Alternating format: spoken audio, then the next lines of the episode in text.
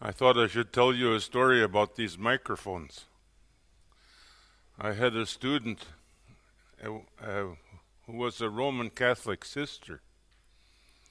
And when she finished her master's degree, she was hired by the bishop in West Virginia to be his liturgist. So she set up services for him and made arrangements. And she had arranged for a service in the cathedral, the Roman Catholic Cathedral in Wheeling, West Virginia. And the bishop was sitting in all of his regalia in the bishop's chair, wearing a microphone that he did not realize had been turned on. and my student did not realize that a nun had planned to perform a liturgical dance. So she came out wearing a form fitting leotard. But she was quite heavy and she was pressing that leotard in directions that she hadn't anticipated. and she did her dance, and the bishop said into the microphone, If she wants the head of John the Baptist on a platter, she can have it. so you have to be careful with these things. yeah, well, I'm absolutely delighted to be back. We left you last summer and we went to the Hurtigrute. So we took our luggage and rolled it down the hill and walked right onto the boat. And we spent a week going up to Tromsø where we saw the Okels and others, and we had a marvelous time. That was one of the great trips of my life. We had been persuaded by Carolyn's mother not to come back, but to just go up as far as Tromsø and get off. Now we have to come back and do it again so we can go the whole way. but it, will be twice as much fun. Um, I'm delighted to see many of you who have become old friends. Um, my dear Carolyn is uh, back with her mother. She, her mother is 97 and just got stopped for driving too fast. I'm, I'm very proud of her. she was so ashamed and thought she should repent. but I thought she should brag. so Carolyn um, because of her mother's advanced age. She's very healthy and independent, but independent as any Norwegian you ever knew. Huh? So she still wears a t shirt that says, You can always tell a Norwegian, but you can't tell her much. she's great. So she. Uh, she's healthy and well, but Carolyn doesn't like to go away from her very far. So I kept working on her. I promised her that if she came, she could wear her bunad the whole two weeks, but she, she wouldn't do it. It's good. Yeah, well, good. And I want to say a special word about the joy of traveling with my pastor, Michael Albrecht, who I treasure. He is a faithful witness. And then with Steve. I can't tell you what a joy. I've had listening to him. I remember him when he was first a student. He was so full of promise, and we watched him with joy, and he just kept getting better and better and better all the time. Today I was just practically dancing. So I'm grateful for the privilege. Okay. Well, Steve has been uh, talking about Erasmus and Luther. And I thought maybe that the best thing for me to do would be to tell you the story of this fight. Steve has taken you on a wonderful theological tour of the conflict, but you can also go on a tour closer to the ground. You don't have to have a helicopter. You can you can walk through this conflict and see what's happening and have some fun doing that too. So Steve has looked from on top and I'm going to look from underneath and you'll get a couple different angles. In 1524 and 1525, these two very prominent figures got into a public fight. Um, at first, the, the, the, um, one of my great old teachers, whose name was Warren Quanbeck, he was a friend of uh, Per Lønning, who have just passed away. They were long time acquaintances, and uh, I know Dr. Quanbeck had the greatest respect. Um, uh, Quanbeck said that Erasmus did theology like a man laying on top of a hill, overlooking a warm valley on a sunny, af- sunny afternoon. And Luther did theology like a man crawling through that valley in the dark, in the middle of a storm. They thought from two in two entirely different ways. In lots of ways, Erasmus did not understand Luther at all. And so it's an odd kind of fight. Erasmus was one of the most celebrated people in all of Europe, one of the most distinguished intellectuals in the whole in the whole continent. Luther was a monk in an obscure monastery in a small town in the middle of nowhere, most famous for the brothels. So it was unequal. Erasmus was celebrated and Luther was obscure.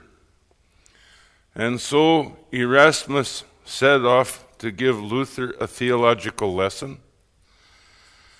When he published the diatribe that Steve referred to, it caused all sorts of alarm in Little Wittenberg. Luther had recently taken up with Catherine von Bora who became his beloved wife, Kitty My Rib, he spoke of her. Huh? Sometimes he punned on her name and called her Ketta, chains. she didn't think that was as affectionate as Kitty My Rib. Um, but Catherine von Bora was very much offended by the way that Erasmus treated Luther. And according to an old Luther biographer, Roland Bainton, it was she that put Luther up to writing this reply. Um, the reply is a masterwork. Luther followed an obscure method of um, refutation, medieval so he states Erasmus's argument, then he states what's wrong with it, then he states what he's what where Erasmus is going, and then he says where he's going to go. And you, by the time you get to the argument, you've gone through 15 different sentences. But he just took it apart, line by line, phrase by phrase, so that even the jokes are very carefully calculated. Huh? When he calls it in the polite translation, manure in silver dishes. Huh? He's got that all thought out. Huh? So there's not anything that's coincidental or unplanned. And when he got done with it, Erasmus panicked. He thought Luther was a small dog that he could kick away. And Luther bit and held on for all he was worth. Erasmus spent the rest of his life writing a reply, 586 pages of medieval Latin. One of my professors at the University of Toronto thought he was the only one in the 20th century who ever read it. and I can vouch for that because my professor smoked cigars. And when I went to find a copy of Luther's or Erasmus's reply to Luther, I didn't have to look it up in the card catalog. I just followed my nose. I found it by the smell of cigars. it was absolutely filthy with cigar smoke. So nobody reads it. Luther just tore Erasmus to pieces, one fragment at a time. But he lost the war. Lost the war. You know conflicts like this, where you win the battle and lose the war. Here's what Luther lost. Luther had, the the two of them had entirely different views of freedom. Erasmus thought of freedom as freedom for yourself, freedom to do and be and accomplish what you wish.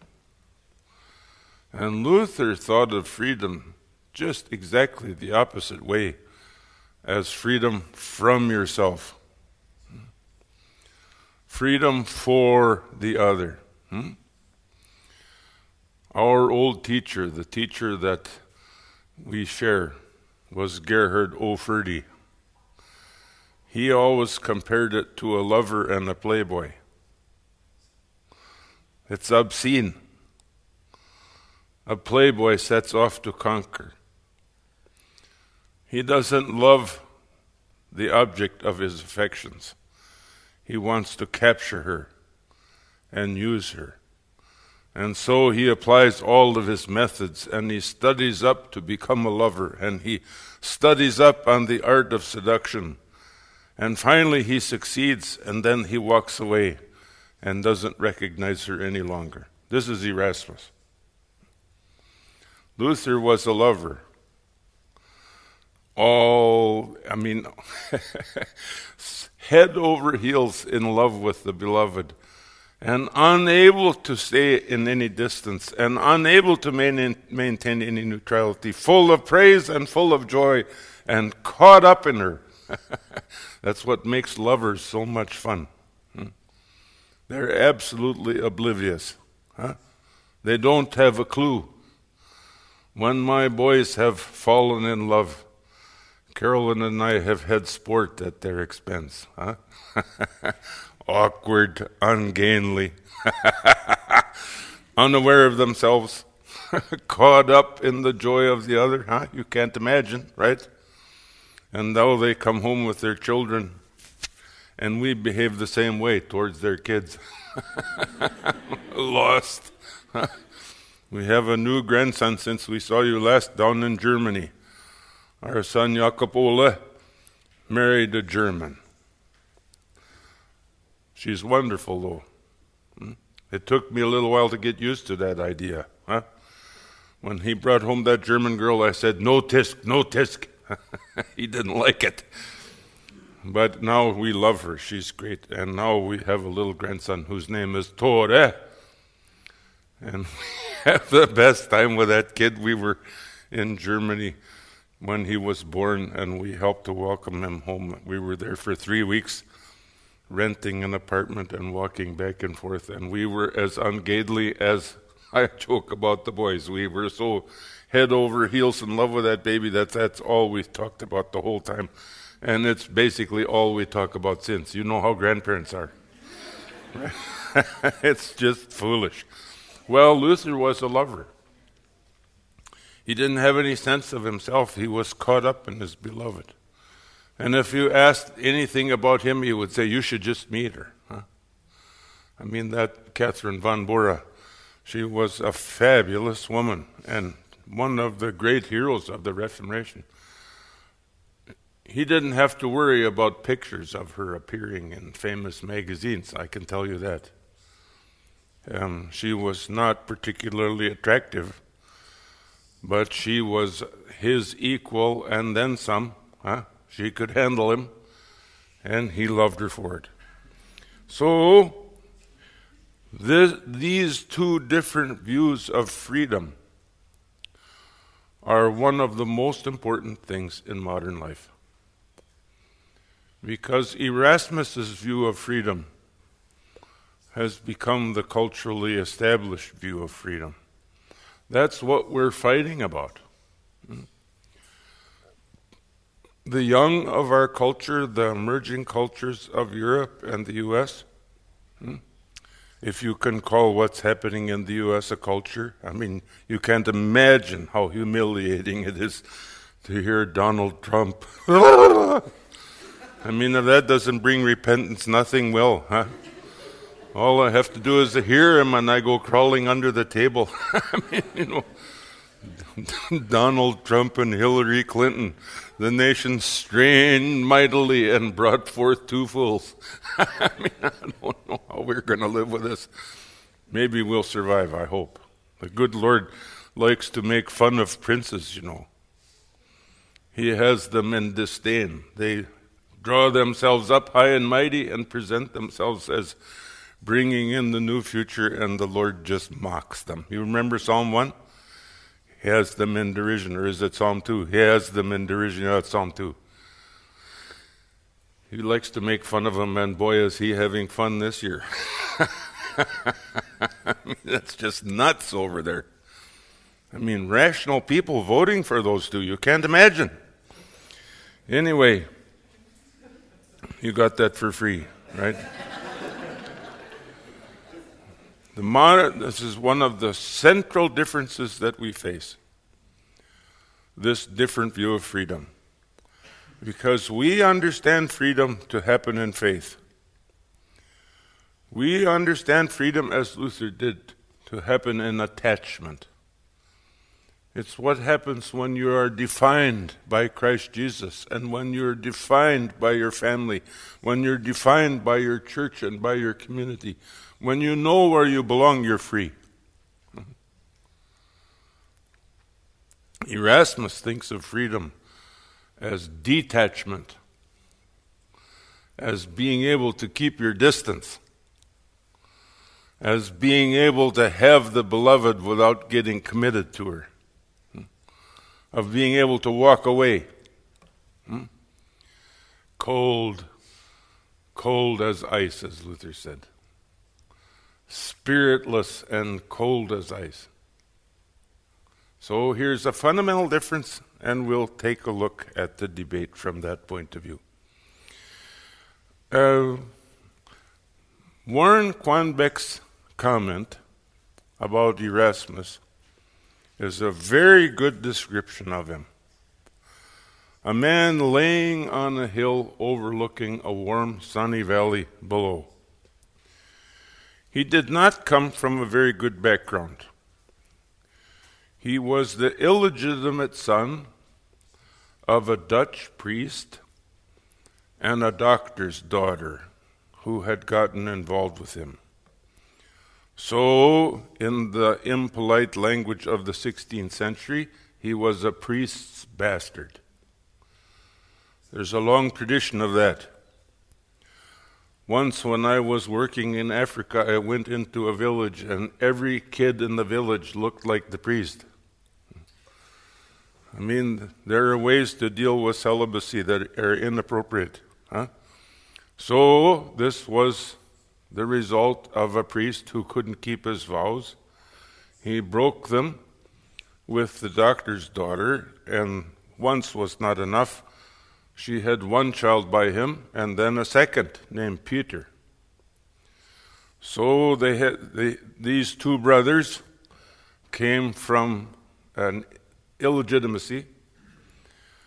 Um, that if you know something about rural life, and I think lots of you do, you might remember uh, that illegitimate people bore a stigma years ago. Everybody in town knew it. I have an uncle who was conceived in a haystack. His father was a traveling ball player, and his mother was one of my cousins. All his life, he's lived with that. It's been hard for him. He wishes more, he's more like my grandfather than anybody in the whole family, but he doesn't look like he's. We're all big and slow, and he is small and fast. I always wondered where he came from. then I finally found out my mother told me when I was 18. it was too soon. Uh, he's wonderful. Um, that's a very difficult background to have. And so Erasmus, you, if, when you know that, you know you can anticipate some things about him. He's cynical, he's sharp, he doesn't like the community, he's always standing off against it, pointing. You don't want to get in a fight with him because his language is just, he's fierce. And he, you know, he fights with his mouth, and he's small, delicate, dainty, a little bit of a dandy. In English, we say he was light in his loafers. Hmm. He was limp in his wrist. Hmm. You know what I mean? That's politically incorrect anymore, but it's the truth. Anyway, um, his tongue was his weapon, sharp and sharpened. So, um, from this background, he caught on with several prominent people. He was raised, he and Peter were raised by the Brethren of the Common Life, which was a lay monastic movement. And Erasmus had a talent for catching on with people who would support him. Nowadays, among academics, these people are called grantsmen. They're good at getting grants from the university and they always get more grants than anybody else, and they're always pushing themselves forward, you see. And so Erasmus was winning all these grants, and he had all of these rich people who sponsored him, and he published and wrote. He was a great linguist, and he was, uh, you know, he he always found a place for himself in the court, and so um, he became quite prominent, even though he had no family behind him. He became, in fact, one of the great lights of of Europe. Luther didn't have much of a background either. Hmm? His mother was an academic, or came from an academic family, anyway. Her father had, had been an academic person, and she was, his mother was uh, Catherine, or not Catherine, but I forgot her name now. Hmm? Margaret, Margareta Luther. She was her maiden name was Margareta Lindemann, and she was sharp as a tack, really good. His father was a miner. Uh, he was an independent miner. I don't know what you know about mining in the 16th century, but mining copper ore is about as dangerous as anything you can possibly imagine. These guys laid on their backs and pushed themselves over tracks with the cut just right above them, and there were always collapses and there were always difficulties. They made a living, but that's about it. And so they, and of course, there was always litigation with the property holders, and so Luther's father was always being called into court for one of his contracts. So he dreamed of Luther becoming a lawyer. nice to have it in the family, you know. So Luther was supposed to go to law school until you know what happened. He got caught in a thunderstorm and made a superstitious vow and took a sharp right turn and became a monk. Um, and so he was became an Augustinian monk. He was sent to the University of Wittenberg, um, a small town, as I said, in the middle of nowhere, a new university just 10 years old, not even 10 when he got there. So it wasn't exactly the academic center huh, of, of uh, Germany. Uh, the two of them, Erasmus and Luther, got into a fight over three issues. The first one was over language. Both of them were superb linguists. Erasmus spoke ancient Greek and Latin and had a facility with these languages that you can hardly imagine. He edited ancient manuscripts. He had edited an, one of the first Greek editions of the Bible in the 16th century. There hadn't been a Greek Bible published in years, and Erasmus put it together. He said he found the manuscript in an attic in Basel. If he did, pieces of it were missing, so he just translated the Latin back into the Greek and put it together and published it as a Greek New Testament. It was used by Luther and it was used by Calvin. It was used to translate into the languages of medieval Europe. So uh, he was also a great student of the church fathers um, using the original languages. He was convinced that by using the languages you could get back over the intervening years of corruption and get back to the mother lode of knowledge and clean up the corruption and reform the world. So he was using the languages for that purpose. Luther also was a linguist. He grew up speaking Middle High German. He tra- eventually translated the whole scripture three times into Middle High German um, the Old Testament twice and the New Testament three times. His translation of the German Bible became the foundation of the German language. He is generally considered the founder of German. And from his German New Testament, his German translation, translators went to Norway and to Finland uh, Michael Agricola, who translated the first uh, Finnish edition of the New Testament, was one of Luther's students. And Hans Tausen, who came up from Denmark into Norway, was a, was a student of one of Luther's students. So he had a, he, all of Northern Europe reflected Luther's work with the languages.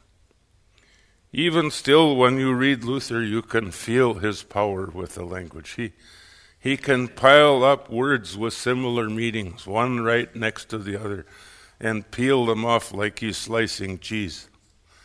I mean, that's just one subtle difference after another, and he's just pouring out language like a, like a, like Vesuvius. Huh? So that was the first thing that they thought about was language. Um, the second, Steve has mentioned, and that was willpower. Uh, Erasmus, the playboy, was convinced that willpower could accomplish anything. Hmm? And so he was convinced that if Luther would apply his willpower, if the world would apply its willpower, things would re- there could be a reformation and things would really work the way they were supposed to. So he complained bitterly about Luther's writings on original sin. Luther was not convinced. We'll talk about that. That's an issue they fought about. The third thing they fought about was um, the interpretation of Scripture.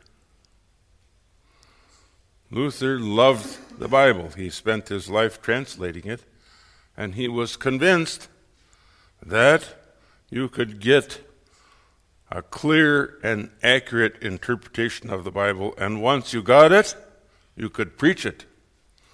You could set out the Bible in clear language. Erasmus, with all his study of languages and all his power, and all of his academic erudition didn't think so. And so Erasmus insisted that the Bible is obscure, and Luther that it's clear. We'll talk about that in the morning. So they started fighting in after Erasmus wrote the diatribe, and then uh, in 1520, in 1525, Luther finally responded to Erasmus, and this was his great De Servo Arbitrio on the bondage of the will. Huh? Um, without doubt, with Luther's small catechism, as Luther himself said, this is the most important thing he ever wrote. And so here's what we recommend use it devotionally, as Steve suggests, and start at the end of the book. This is a book that you read backwards. You read the last chapter, then you read the next of the last chapter, and then the next of the last chapter. If you do it that way, then you'll see what Luther is arguing for right at the beginning, and it'll be much easier for you to read. It's a project, I can tell you that. I, I have worn out one volume already, and I'm on my second one, and I'm having to put a new binding on it. I keep reading it and rereading it and reading it and rereading it, learning from it all the time. Our teacher, Gerhard Forde, used to go through one, one English translation a year. I've got some of his old ones. They look like the dog got a hold of them and shook. I mean, that's it. But you, if you do this, if you read a little bit at a time, starting at the back, you'll have lots of fun. Especially later, Luther's joking and playing. He knows he's got Erasmus in the corner and he's starting to tease him and pester him. It's just hilarious. So it's worth, it's worth reading him that way. And I love Steve's, Steve's suggestion that you read it for devotions. That'll scare the Catholic priest in your town right out of his wits. Huh? What are you doing? I learned to read this from a Roman Catholic scholar, so I know what I'm talking about. Anyway, so that's some of the background. Um, now, we should look at Luther crawling through the valley in the dark. Erasmus is convinced that you can read it in the sunlight. Luther is down on the ground in a storm. He shared some of Erasmus's uh, characteristics. He, um, he too, as I said, was a great student of the language. Uh, he was quite impressed with Erasmus early on and used his Greek New Testament and studied quite carefully the methods that Erasmus proposed. Um, he was also convinced that free will does have some power. The closer you get to the ground, the more power free will has got. So if you cle- if you're repairing your bicycle or washing the car or deciding who you're going to vote for, huh? I mean, I've heard Norway's had some bad elections, but I think we got you beat now. I mean, good night, huh? You just hold your nose and turn to the wall and say, This one. Not that one. the Prime Minister of Canada came down to visit. You know, my wife is born in Canada, and my mother was born in Canada, so we She's a Canadian citizen. I could be a Canadian citizen. So every once in a while we sit at breakfast and talk about going back to Canada. the Prime Minister came down to visit the States and he said, All you Canadians living down here that want to come back, you're welcome. we'll meet you at the border and we won't let Trump follow you in. Pretty good. we're thinking about it, seriously. Not yet. Anyway, um, Luther was convinced that we do have some freedom close to the ground in matters that reason can comprehend. You can apply yourself. You just watch the Olympics as we did, I'm sure. I mean, you see those great athletes, they've applied themselves diligently, they've, they've uh, given up different opportunities. Unfortunately, that American swimmer gave, took an opportunity he should have passed by. His free will wasn't working quite right. But we can do that. You can turn things down, you can behave yourself in these matters, and so on. But where Luther begged to differ was in relation to God. In relation to God, we have no free will. There are two reasons for this. First of all, we keep getting caught in things we should not get caught in. There are lots of things in life that we have power over, that we should be able to control. Uh, for instance, one of the best examples alcohol. Alcohol is a matter where the free will can make some choices. A person can say yes or no. Yes, I'll have a glass. No, I don't want that. Um, free will has some purchase, it can work there. But you know as well as I do what happens. Alcohol starts gaining more and more power over a person. First of all, well, here's an example. I had a good friend, a pastor, who started to like wine a little too much. I said he was practicing for the miracle at Cana. um, he bought it all. First of all, it was a glass of wine before supper, and then it was two glasses of wine before supper, and then he had a glass, had a bottle of wine in his office, and pretty soon there were bottles of wine behind the books in his office, and pretty soon he was drunk and out of control. You know this story. Hmm? Alcohol can do that. And you, many of you, as I do, probably know it in your own family. I mean, we, I have a sister who's been drinking since she was 13. I mean, alcohol can do that. Alcoholics classically say, I can quit anytime I want to. But of course, you know that's a lie. That's the disease. The disease says I can quit anytime I want to, but the alcohol is actually in control. So there was that we call Minnesota the land of 10,000 treatment centers.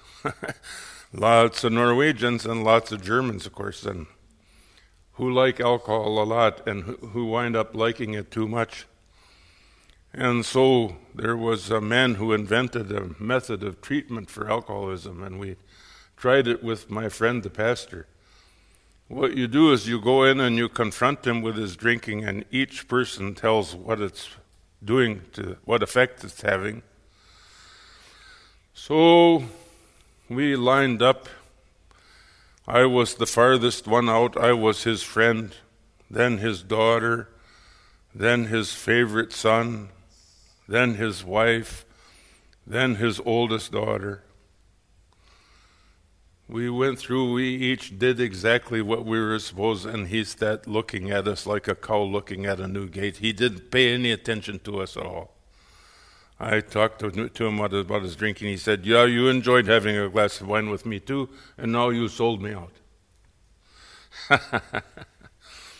so it looked like we'd lost the game. It looked like our confrontation had accomplished nothing. But when his oldest daughter spoke and finally gave up, his granddaughter, four years old, got off her mother's knee and she took a step toward him.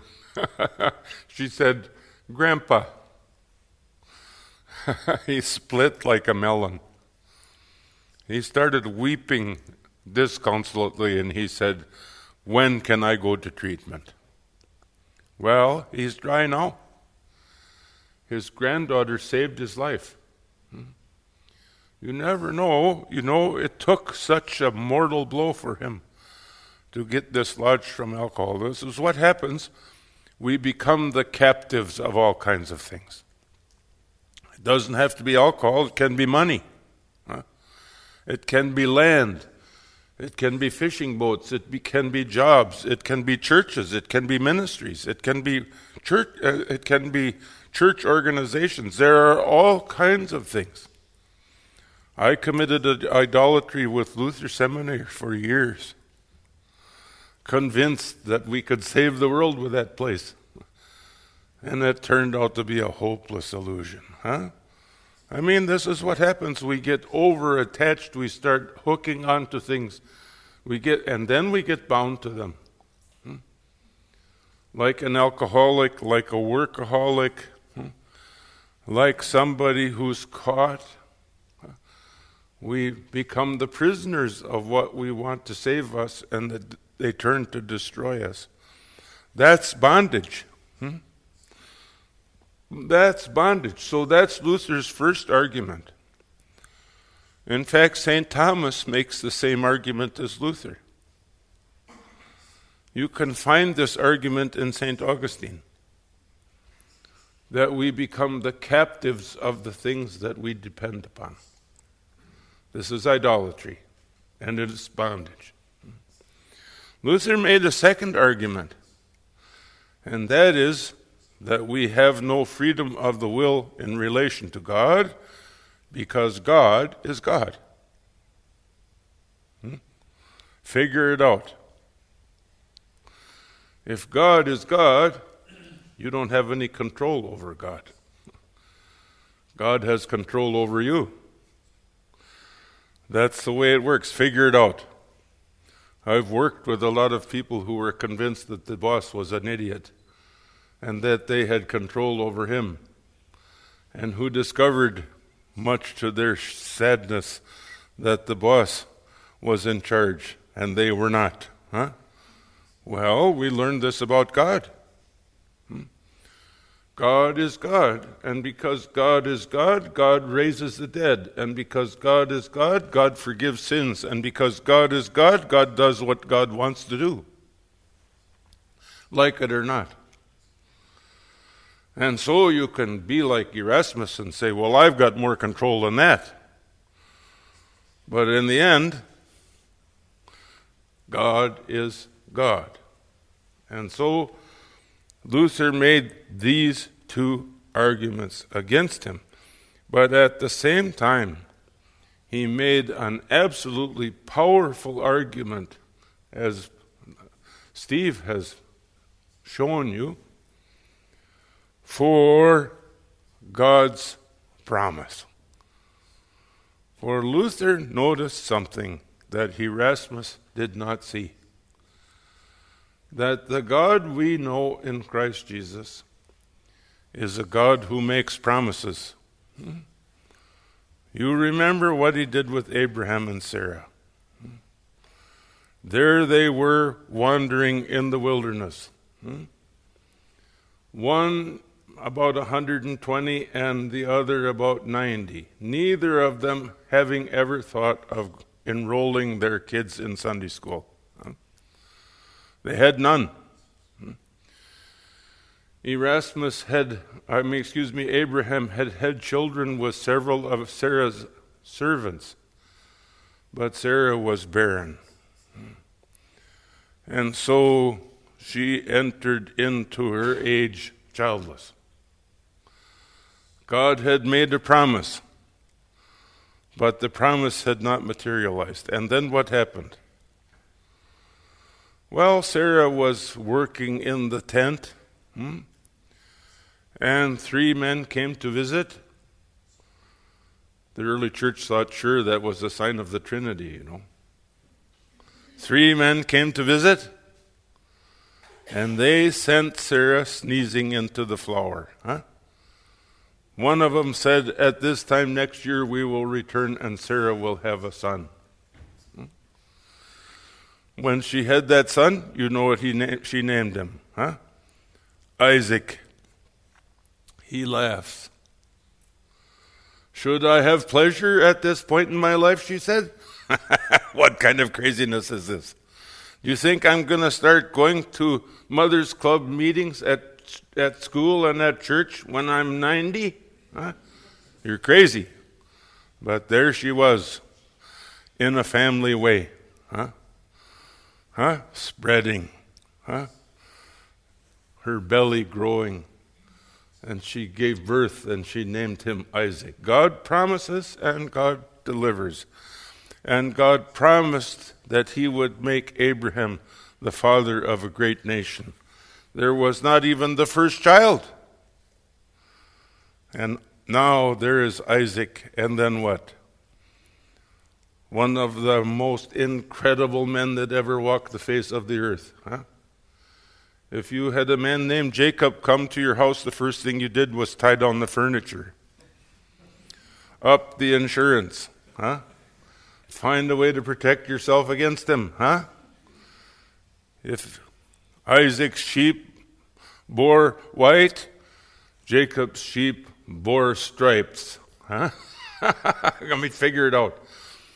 I mean, the one of the, a name, a man who bears the name cheater, but the fulfillment of God's promise. God makes promises, God delivers.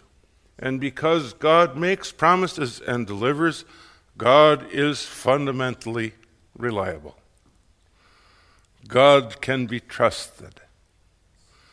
Faith can cling to God's promise, and clinging to God's promise can rejoice because God keeps His promises. You don't have to protect yourself or look after yourself. Because God keeps His promises, you can live in the freedom of the gospel.